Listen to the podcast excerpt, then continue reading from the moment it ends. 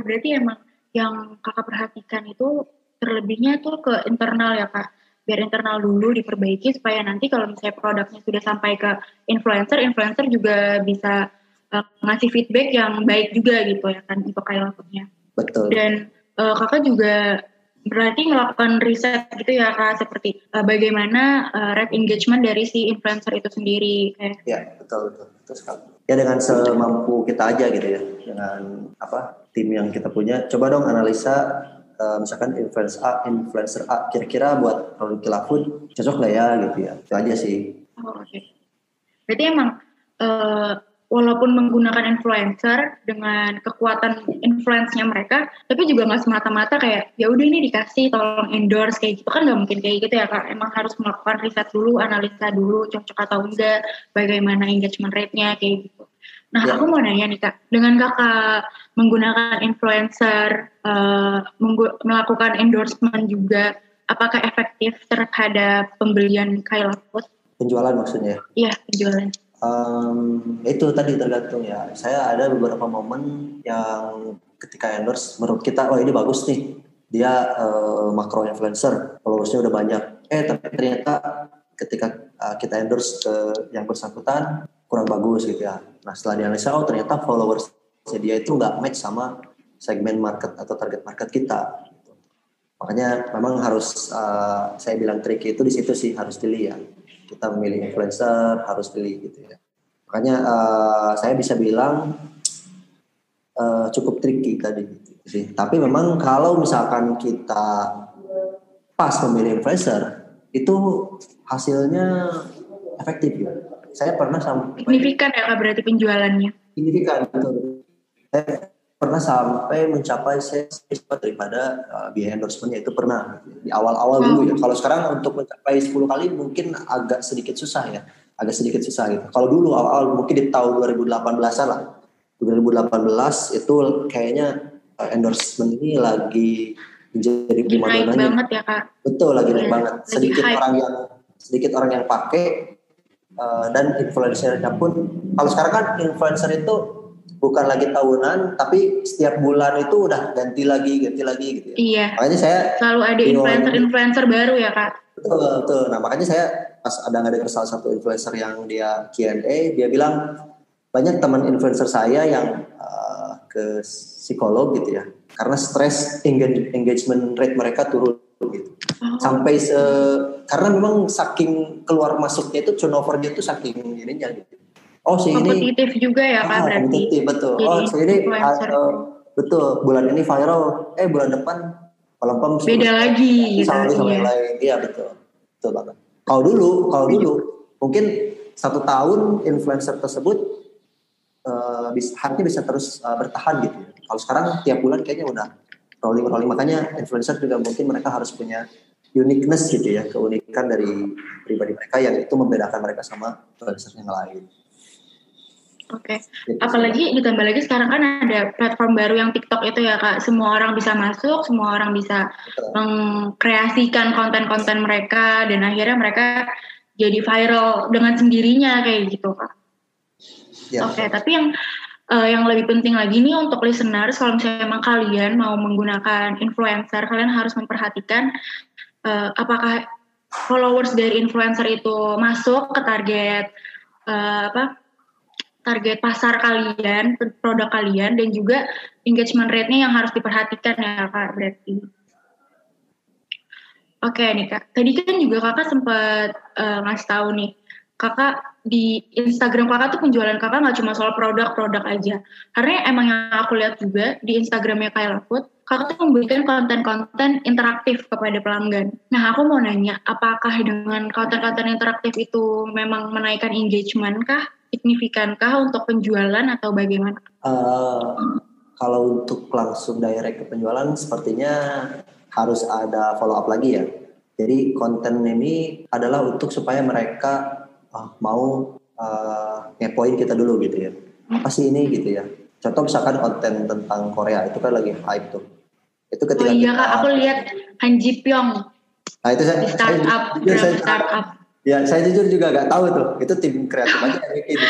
Saya oh, oke okay, oke. Okay. Kurang ya kurang ikuti juga ya tentang, tentang drama Korea gitu. Nah, itu kan hype tuh, banyak komentar, engagementnya bagus. Sehingga kepo tuh, apa sih ini gitu ya. Nah, dari situ kita follow up. Misalnya kita susul sama konten diskon, konten flash sale, konten-konten tentang uh, apa giveaway dan seterusnya sehingga mereka bisa akhirnya ngaruh ke conversion rate-nya seperti itu sih. Oh, okay. Dan kalau dari segi konten yang kreatif ke penjualan sepertinya nggak langsung direct ngaruh gitu ya. Harus ada konten lain yang nge-trigger mereka supaya langsung beli hari itu juga gitu. Oh, Oke, okay. tapi emang kalau menurut aku juga kak, dengan memberikan konten-konten interaktif tuh ngebuat pelanggan jadi lebih deket gitu kak sama kayak Food karena emang yang dikasih kan gak cuma ngejual, jual, jual, cuma kayak nanya nih ada yang tim paket telur atau nggak pakai telur kayak gitu-gitu kan ngebuat mereka jadi pengen jawab gitu kalau makan seblak kayak food tuh enakan pakai telur apa nggak pakai telur sih gitu ya kan ya. oke kak nah aku mau nanya nih kak ke next questions aku kan tahu ya kalau misalnya di Kaila Food itu ada offline store-nya juga dan Kaila Food juga melakukan penjualannya secara online aku mau nanya nih kak uh, yang lebih efektif itu penjualan online atau offline Uh, sebenarnya offline story ini kita pernah ada itu di tahun 2019 ya. 2019 ke pertengahan tahun 2020. Itu pernah kita punya karena lokasi uh, industri kita, lokasi uh, tempat produksi kita itu di pinggir jalan utama gitu ya. Sehingga akhirnya oh ya udah di depannya sedikit kita kasih space untuk orang coba gitu. Nah, kalau karena sekarang berhubung kita lokasinya sudah pindah ke lokasi yang memang tidak di pinggir jalan tapi jauh lebih efektif gitu ya. Uh, sehingga itu tidak mungkin kan. Nah, kalau dibandingkan eh, antara online dan offline ya memang jauh ya. Online ini mas uh, sangat sangat signifikan penjualannya dibandingkan dengan offline store. Banyak faktor sih terlebih mungkin ini kan target market kita sebenarnya segmentasinya itu bukan orang-orang Bandung ya, tapi orang-orang yang tinggal di luar Bandung. Misalkan Jabodetabek lah, gitu. kita taruh yang paling dominan. Itu yang menjadi target kita karena orang Bandung sendiri mungkin nyoba untuk nyoba jajanan tradisional khas Bandung itu mereka udah bosen gitu mbak. Terus bisa iya. didapetin di mana aja gitu ya. Kayak iya betul banget. Karena emang aku juga sebagai orang Jakarta, aku kan juga suka makan seblak ya kak. Emang karena suka nyari, apalagi kalau misalnya lagi ngidam pengen kuah yeah. yang pedes-pedes gitu. Mm, bener. Iya, iya. Oke kak. Aku mau nanya nih kak satu lagi apa sih yang bikin beda dari kayak lapot karena uh, dari yang kita lihat juga nih ya kak kompetitor kan makin lama bisa makin masuk apalagi yang kakak tadi sudah ngomongin uh, untuk produk makanan tuh entry-nya tuh uh, mudah gitu loh untuk orang-orang aku mau nanya apa sih kak yang bikin beda dari kayak lapot dari produk-produk lainnya Oke, yang bikin beda yang paling menonjol sih dari uh, rempah dan bumbu ya jadi ketika kita akan launching menu atau mengeluarkan produk, itu sebisa mungkin kita um, mencoba membuat menu itu semirip mungkin dengan aslinya gitu ya, dalam karti otentik dan signature gitu ya.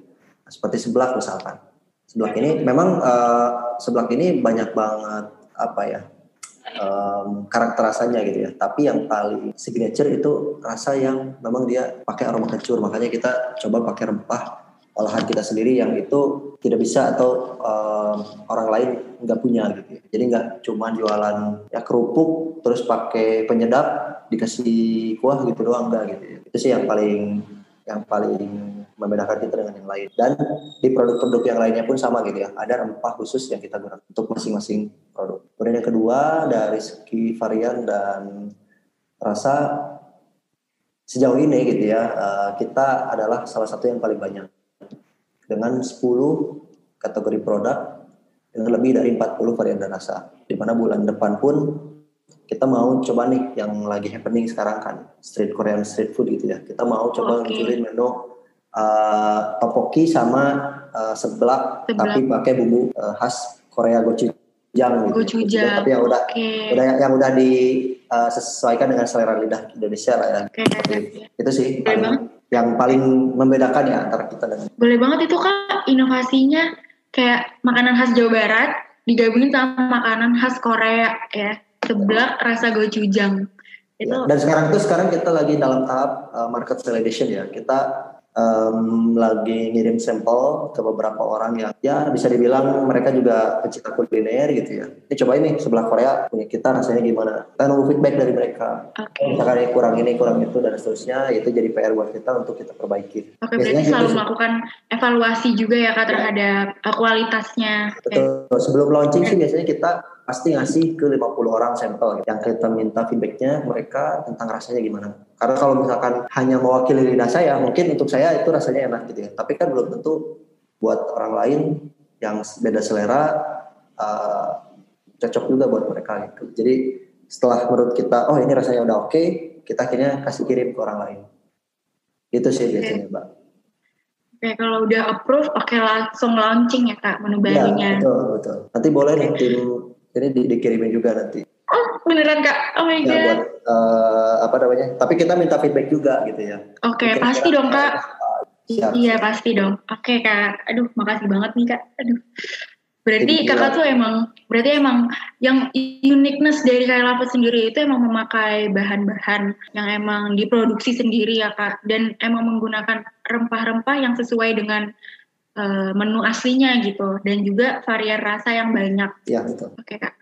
Uh, ada satu pertanyaan lagi nih kak dari listeners kita. Dia nanya, gimana sih cara membangun bisnis khususnya bidang F&B biar jadi top of mind? Menurut kakak gimana tuh kak? Um, balik lagi ya, um, untuk kita bisa sustain dan bertahan di bisnis F&B ini ada yang namanya product market fit ya. Nah di product market fit ini kita akan diajarin gimana caranya produk yang kita punya itu fit dengan market. Artinya cocok dengan market. Dari mulai gimana kita menentukan produk, model bisnisnya, segmen marketnya dan sebagainya.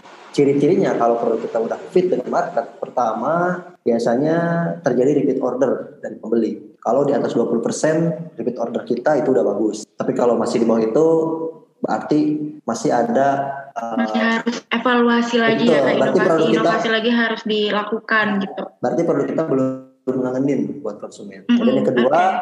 dari sisi uh, viral biasanya kita ada sedikit momen di mana produk kita viral gitu. Kemudian yang ketiga biasanya direkomendasikan oleh pembeli. Yang keempat testimoni yang positif. Testimoni itu bisa ngasih rating yang bagus atau ngasih instastory juga yang bagus dan biasanya mereka cenderung mau merekomendasiin ke teman-temannya. Nah itu itu udah masuk berarti ke produk market fit. Itu aja sih sebenarnya yang jadi kunci ya supaya bisnis kuliner kita itu uh, top of mind gitu ya dan sustain malah terus bisa tumbuh bertahan.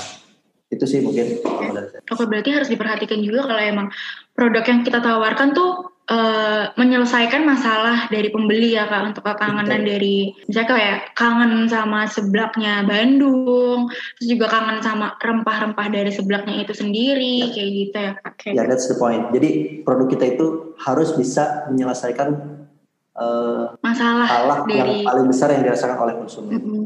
Oke okay, benar, aku setuju banget. Karena kalau misalnya nggak nyelesain masalah juga buat apa nasi kan ngeluarin produk ya kan kak? Cuma kayak nggak ada yang beli karena bisa sih kita bisnis misalkan by trend ya. Kayak misalkan tahun lalu itu happening banget fenomena es kopi susu. Tapi kan iya, bertahannya betul. ya paling hanya setahun nah ganti lagi tren itu nggak masalah sih buat saya orang yang bisnis uh, pakai tren asalkan dia bisa ngukur nih oh ini tren kita bakal uh, habis nih satu tahun. Tahun depan kita harus nyari tren lain. Jangan misalkan trennya kema udah ke mana gitu ya tapi dia masih kekeh bertahan dengan bisnis es kopi susunya yang udah mulai ditinggalin dan makin banyak pesaingnya misalkan kayak gitu ya. ya jadi harus terus harus terus berinovasi gitu.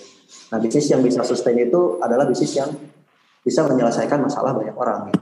berarti nggak apa-apa untuk follow the trend tapi perhatikan juga nih berapa lama trennya bakal berlangsung dan inovasi-inovasi apa aja yang emang harus dilakukan gitu ya kak supaya produknya juga bisa sustain kayak gitu. Iya betul. Oke Kak, nggak kerasa banget nih Kak, kita udah di penghujung podcast. Sebelumnya aku mau berterima kasih banget sama Kak Gali karena udah memberikan kita insightful pembelajaran dari apa yang Kak Gali lakukan untuk Kayla Food. Semoga listeners juga dapat mengambil yang baik dari obrolan ini. Siap. Tapi sebelum aku akhiri nih Kak, boleh dong Kak kasih motivation quotes untuk listeners kita. Apa ya, um, mungkin kalau dari saya Um, bisnis itu bisnis kuliner itu bisnis terutama kuliner ya bisnis kuliner itu adalah bisnis yang bisa dikatakan cukup ribet tapi ada polanya. Bisa gagal tapi bisa bangkit lagi juga. Butuh waktu butuh pembelajaran dan uh, butuh konsistensi. Itu sih yang paling penting. Dan yang terakhir ketika bisnis kita udah mulai uh, berkembang bentuk tim. Jangan melulu single fighter. Karena kalau single fighter kita capek sendiri pemikiran juga uh, segitu-gitunya. Tapi coba bangun tim yang dengan tim ini nanti kita bisa tumbuh bersama itu sih mungkin dari dari saya untuk orang uh, yang mau memulai bisnis kuliner. Oke kak, berarti uh, terus bangkit gitu ya kak dari kegagalan dan sekalinya emang udah sukses, buatlah tim supaya bisa menghasilkan produk yang emang jauh lebih baik lagi gitu. Oke Kak, sekali lagi terima kasih banyak untuk kesempatan kali ini. Nah, buat kalian listeners yang mau nanya-nanya atau mau cerita tentang kegelisahan di dunia perbisnisan atau usaha kalian, boleh banget kalian langsung capcus ke Instagramnya Latih ID. Kalian bisa isi di question box kita, atau kalian juga bisa langsung DM-DM aja karena DM kita juga terbuka ya. Dan jangan lupa untuk pantengin terus sosial media Latih ID. Jangan lupa juga untuk follow Latih ID Speaking di Spotify, like, comment, dan subscribe di YouTube Latih ID. Jadi semoga kita ketemu lagi nanti. Terima kasih Kak Gali. Ya, sama-sama Basna dan teman-teman yang lainnya.